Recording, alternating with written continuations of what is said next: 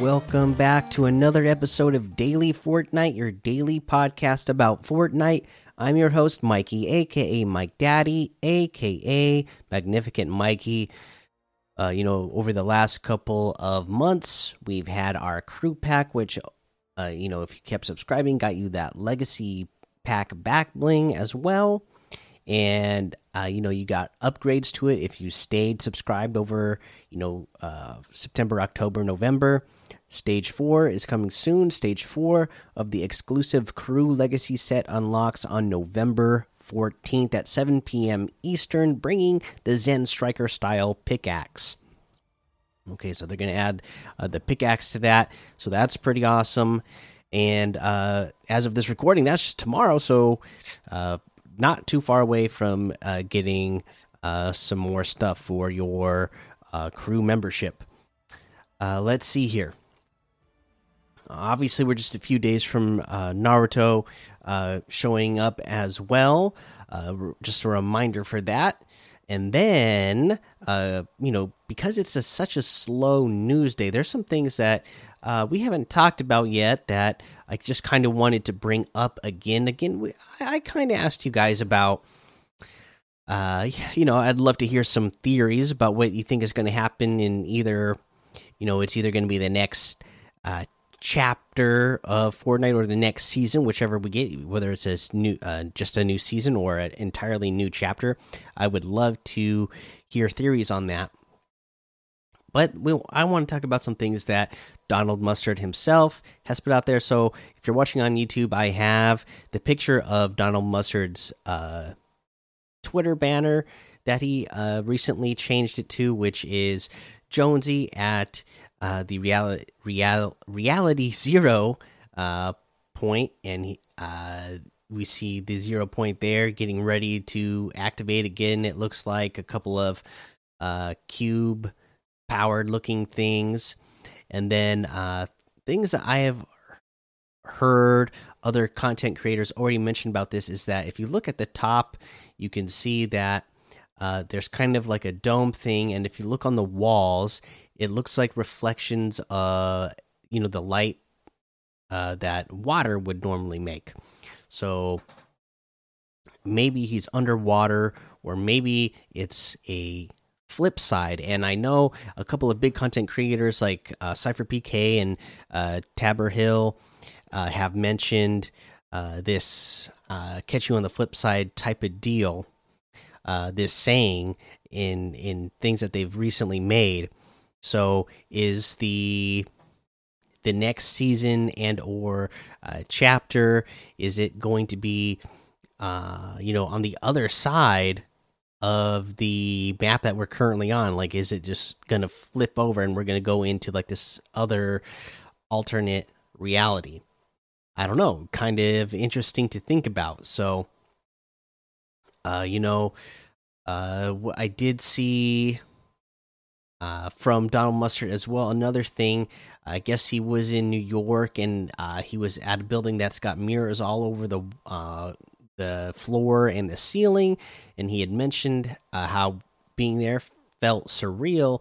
And then uh, he posted a, a, little video of him in there, and I don't think it's a coincidence in the video that he goes from pointing the camera directly down at the floor and recording, then to flipping it and pointing directly at the ceiling uh, for a bit.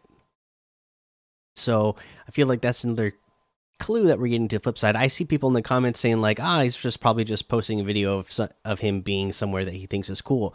Well, we've seen him post pictures and or videos in the past uh, of him being out in with his family in locations uh, that end up being tips about or little clues, I should say, about uh, what uh, might happen in the uh, switch to the new, uh, you know, either season or chapter, whatever it ends up being.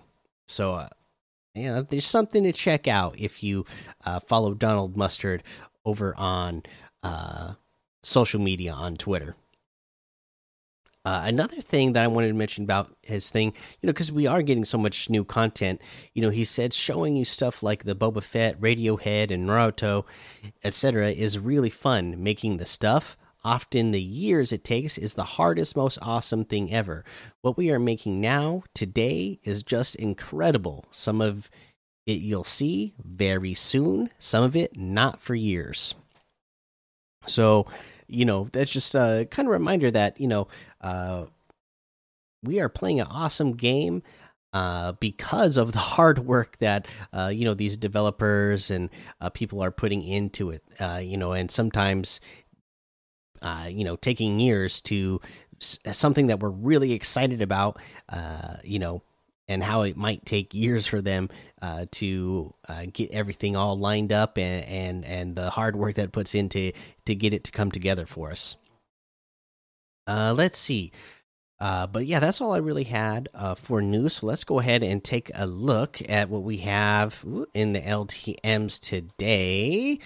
Uh, Throwdown, Horde Rush, Boogie Zombies, Zombie Adventure, 300 levels Death Run, 500 level Easy Death Run, 999 levels Death Run, Hardcore Open World, Battleground All Weapons and Vehicles, Blue Pit Free for All, Gotcha PvP Battle, Vivid City Become Governor, and a whole lot more to be discovered.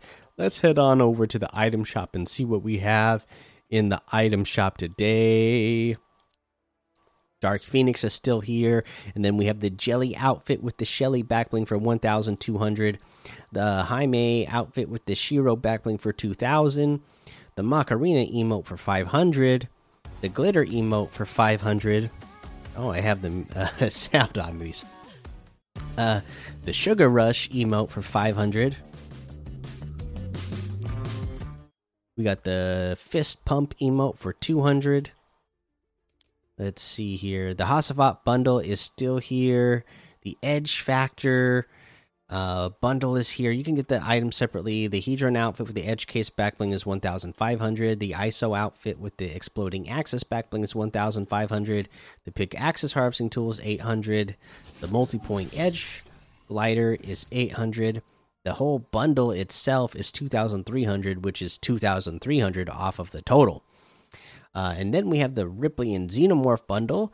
Uh, let's see here. If you get uh, the xenomorph outfit with the xenomorph tail back bling and xenomenace emote is 1600 the ellen ripley outfit with the Weyland Yutani cat carrier back bling is 1500 what else comes in this uh, I guess the bundle will also include the Xeno Slurp loading screen and the Xeno Menace emote, all for 2,200. That's 900 off the total for that bundle. You can get the Space Gear bundle, which has the Burst Case Scenario emote, the P5000 Power Loader arm harvesting tool, and the Cheyenne Dropship glider for 1,500. That's 800 off the total. Uh, looks like the worst case scenario emo is 300. The Cheyenne dropship glider is 1,200, and the P5000 power loader arm is 800. You can get any and all of these items using code Mikey M M M I K I E in the item shop, and some of the proceeds will go to help support the show. All right, that's going to be everything uh, for today. Uh, again, I would love to hear some of your theories about what's going on uh, in the next season. Whether you e email them to me, tweet them to me, uh, you know, get in the Discord and uh, put it in the Fortnite Theories channel, and, and let me know what your theories are. I'd I, I want to keep hearing because uh, you know we don't got that much left longer for this season, so I want to hear all the cool theories that people have uh, come up with at this point. Uh, but for now, make sure you go join that daily Fortnite Discord and hang out with us. Follow me over on Twitch, Twitter, and YouTube. Head over to Apple Podcasts, leave a five star rating and a written review for a shout out on the show. Make sure you subscribe so you don't miss an episode. And until next time, have fun, be safe, and don't get lost in the storm.